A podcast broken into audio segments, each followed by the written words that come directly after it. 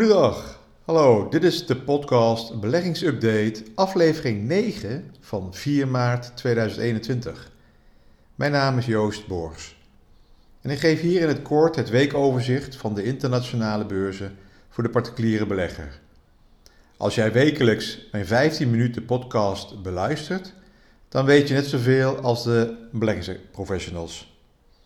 Deze week, naast het wekelijks beurssentiment, een verhaal over Warren Buffett en zijn fondsaandeel Berkshire Hathaway. Nou, beurssentiment. De eerste week van maart is positief begonnen. Maandag dan, hè. Voornamelijk gedreven door het akkoord in de Senaat over de steunmaatregelen vanuit de Amerikaanse regering, het vaccin van Johnson Johnson. En halverwege de week kwam er toch weer eh, winstvernemingen vanwege de onzekerheid over de rentestand en de te verwachten inflatie. De cijfers over de economische groei, grondstofprijzen en de werkgelegenheid zullen dus nu onder een vergrootglas liggen. Centrale banken zullen wel meer nadruk leggen op eerst economische groei, dus een goede basis van groei, en dan pas inflatie de aandacht geven. Te snel de geldkraan dichtdraaien zal misschien ook de groei afremmen. Momenteel staat de 10-jaars Amerikaanse staatslening rond de 1,5%. Volgens de kennis zal er pas een probleem kunnen ontstaan indien deze staatslening, die gebruikt wordt als een soort indicator, richting 2 of hoger gaat. Dan wordt namelijk het verband, de verhouding tussen risicovrij rendement, staatslening, en dividend van aandelen een kantelmoment. Nou, de sector die deze week wederom profiteert van stijgende rente zijn de financiële waarden. In Nederland zie je vooral ING en Egon goed oplopen. Ook bij een dalende beurs bleven deze het goed doen. In de eerste twee maanden heeft de energiesector het ook goed gedaan. In Amerika was de SP 500 energiesector de beste sector. Terwijl de, groei, terwijl de groeiaandelen technologie tijdelijk even rust, moment ofwel een consolidatieperiode inlassen. Dit beeld zie je dan ook in de rest van de wereld terug. Het is niet dat Nederland als beleggingsland alleen staat. Alles hangt met elkaar samen. Belangrijk is meestal wel het sentiment in Amerika. Dit is ook niet zo vreemd, omdat Amerika het grootste deel van het beleggingsuniversum uitmaakt. Dus niest Amerika, dan is de rest van de wereld verkouden. Nou, een stijgende rente heeft negatieve gevolgen voor de koers, de waarde van obligatieleningen. Deze zullen dan dalen. Zelf Warren Buffett, de beste belegger van de afgelopen 50 jaar, is terughoudend voor obligaties de komende twee jaar. Buffett is zeker terughoudend voor high-yield leningen. Dit zijn obligaties die een lage tot slechte kredietwaardigheid hebben. Deze leningen zijn kwetsbaar in de snel stijgende renteomgeving. Vroeger werden deze leningen junkbonds genoemd. De laatste jaren werden ze wel in portefeuilles opgenomen omdat er nog een hoog coupon op zat, in tegenstelling tot staatsleningen uit westerse landen. Dus als je de naam Junkbond aanpast naar high yield leningen, dat klinkt dan iets mooier en dan kan je ze wel opnemen in de portefeuille. Dus goed opletten waar je in belegt. Nou, even wat macro-cijfers, economische cijfers. De cijfers van de productie-inkoopmanagers, afgekort de PMI, is een indicator voor toekomstige economische groei. In Duitsland was het cijfer 60,7 tegen 60,6 verwachting. En in januari zaten we op 57,1. PMI meet de activiteit van inkoopmanagers in het, de productiesector. En een notering boven de 50 geeft groei aan en onder de 50 krimp. In Nederland was het cijfer 59,6. Het herstel zet door, vooral door de export. In Amerika hetzelfde beeld, een sterke stijging van de productiecijfers, het hoogste niveau van de laatste drie jaar. Het kan wel zorgen voor prijsopdrijving door tekorten. Iedereen is met een inhaalslag bezig. Een voorbeeld is nu het tekort aan elektronica-chips voor de auto-industrie. Hierdoor kunnen productiedoelstellingen niet gehaald worden. Belangrijk voor de economische groei in Amerika waren ook de cijfers van het spaaroverschot bij de burgers, personal savings. Personal savings was de afgelopen maanden het hoogst van de laatste 30 jaar. Dit samen met de overheidsfiscale steunmaatregelen en het vaccinatieproces zal het economisch herstel vanaf de zomer een forse steun gaan geven. Voorheen waren Amerikanen altijd erg aan het consumeren. Personal spending. Vaak op krediet via creditcards. Personal spending was al meestal groter dan personal savings. En het was, uh, was dat vaak ook een drijvende kracht achter de economie. Door de pandemie is dit consumeren stil komen te liggen. Dus dat zal straks, als het weer mag, na de lockdown, de diensten en consumentengoederensector een boost geven. Ja, het geld brandt in de zakken van de consument. Dit geldt overigens ook voor Europa. Iedereen wil graag gaan consumeren. Het geld van de particulieren stapelt zich maar op.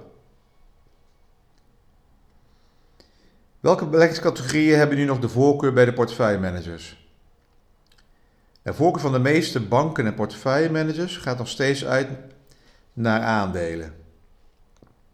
Portefeuillemanagers noemen dit dan bij overwegen aandelen ten opzichte van obligaties of andere beleggingscategorieën. In gewone mensentaal betekent dit dat als je een neutrale portefeuille hebt die bij de start een 50-50 verdeling heeft, over laten het algemeen maar zeggen de categorieën aandelen en obligaties, dat het grote deel van de portefeuillesamenstellers op dit moment aandelenbelang richting de 55%, misschien 60% in de portefeuille zullen prefereren. En geografisch zie je wel een lichte verschuiving naar Europa boven Amerika. Daarnaast wordt Azië, inclusief Japan en China, ook iets meer percentage toebedeeld. Nou, het onderwerp Warren Buffett, ook wel het orakel van Omaha genaamd. Nou, Warren Buffett, ook geboren in uh, Omaha in 1930, is een Amerikaanse zakenman en investeerder. Hij is directeur met een belang van ongeveer 40% grote aandeelhouder van Berkshire Hathaway. Buffett staat al enkele decennia op de lijst van de rijkste mensen ter wereld. Met in 2020 was een geschat vermogen van rond de 75 miljard dollar. Berkshire Hathaway is het beleggingsvehikel van Buffett. Is een Amerikaans conglomeraat en het vierde grootste bedrijf ter wereld. Het conglomeraat bezit een groot aantal bedrijven in de financiële sector, de transport- en energiesector. Berkshire Hathaway heeft ook minderheidsbelangen in onder andere beursgenoteerde eh, bedrijven, dus Apple, Coca-Cola Company, Wells Fargo. En recentelijk heeft hij ook wat belangen opgebouwd in Chinese en Japanse bedrijven. Dus ook uh, Buffett is positief over de Aziatische markten. Dit doet hij uh, niet alleen, hij heeft een uh, team van allemaal wat oudere mannen en één vrouw. En hij, hij doet in ieder geval samen zijn zakenpartner Charles Munger eh, beide heren qua leeftijd zijn dus dik boven de 90. Het rendement, ofwel performance van het aandeel Berkshire over de laatste 50 jaar is circa 21% per jaar. Je kan dit vergelijken met een index, dus bijvoorbeeld een Amerikaanse S&P 500 index heeft over diezelfde periode een rendement van 10,5% per jaar. Als je tien jaar geleden bijvoorbeeld 1000 dollar had belegd, dan had je vandaag de dag zo'n 3000 dollar. Dan zie je maar hoe goed Warren Buffett kan beleggen. Hij is een conservatieve, degelijke belegger. Hij zal ook niet veel muteren. Belegt echt voor de lange termijn. Nou, de koers van uh, Berkshire stond tijdens de coronacrisis in maart 2020 op zo'n 162 dollar. En noteerde gisteren zo rond de 255 dollar. Er zijn dus best wel wat indrukwekkende rendementen voor een uh, door velen als saai en stoffig aandeel betiteld Berkshire Hathaway. Het is natuurlijk een uh, lange termijn belegging. Buffett zal niet veel en vaak muteren gedurende een jaar. Er zitten dus ook jaren tussen dat hij iets minder presteert dan het marktgemiddelde.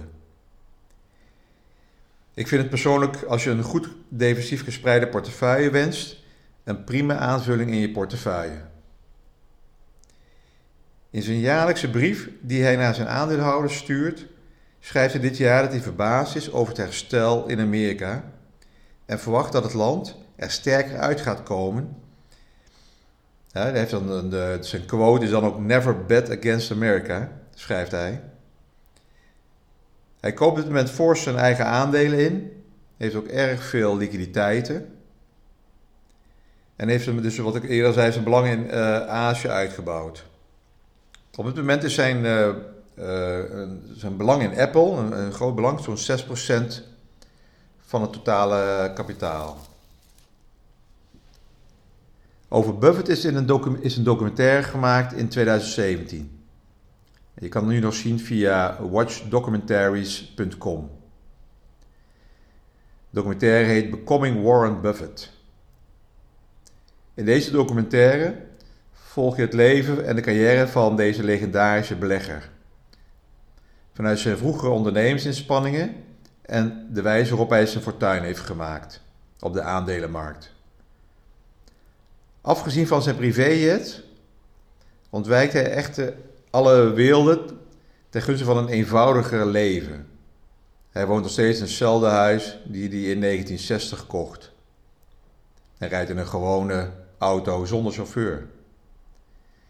In de documentaire zie je ook dat hij s'morgens gewoon zijn koffie haalt bij uh, de drive-thru van McDonald's. Waarschijnlijk doet hij dat om een soort field research, om te kijken van uh, hoe staat het met de dienstverlening, hoe staat het met het bedrijfsleven. Hij rijdt een beetje rond, maar leest erg veel boeken en erg veel jaarverslagen. Hij maakt echt een hele studie voordat hij en zijn team in een bedrijf een groot belang opneemt. Het is, de documentaire is gefilmd met een volledige medewerking van de familie Buffett. Het bevat interviews met de man zelf en familieleden die niet alleen zijn zakelijke en investeringskant bespreken, maar ook zijn persoonlijk leven en de relatie die hij heeft met de mensen om hem heen. Een van zijn eh, beste vrienden is Bill Gates. Hij is oprichter en groot aandeelhouder van Microsoft. En Buffett, Buffett doneert jaarlijks eh, honderden miljoenen aan de stichting van Bill Gates. En hij, uh, ze spreken twee, drie keer per jaar met elkaar af en dan gaan ze een dag over wereldproblemen praten. Nou, dus als je wat uh, een, een, portefeuille nog wil samenstellen, ik heb die Berkshire Hathaway, vind ik zelf ook interessant. En nou, je moet maar kijken wat jouw adviseur ervan vindt. Nou, dit was het weer voor deze week. Dank voor het luisteren. Zoals altijd, ik geef geen direct advies. Hè. Je moet altijd even met je beleggingsadviseur afstemmen. Dit is allemaal mijn persoonlijke kijk op beleggen en het wereldnieuws. Ja, voor vragen of opmerkingen mag je me altijd mailen naar info.beleggingsupdate.nl. Tot de volgende keer, tot de volgende week.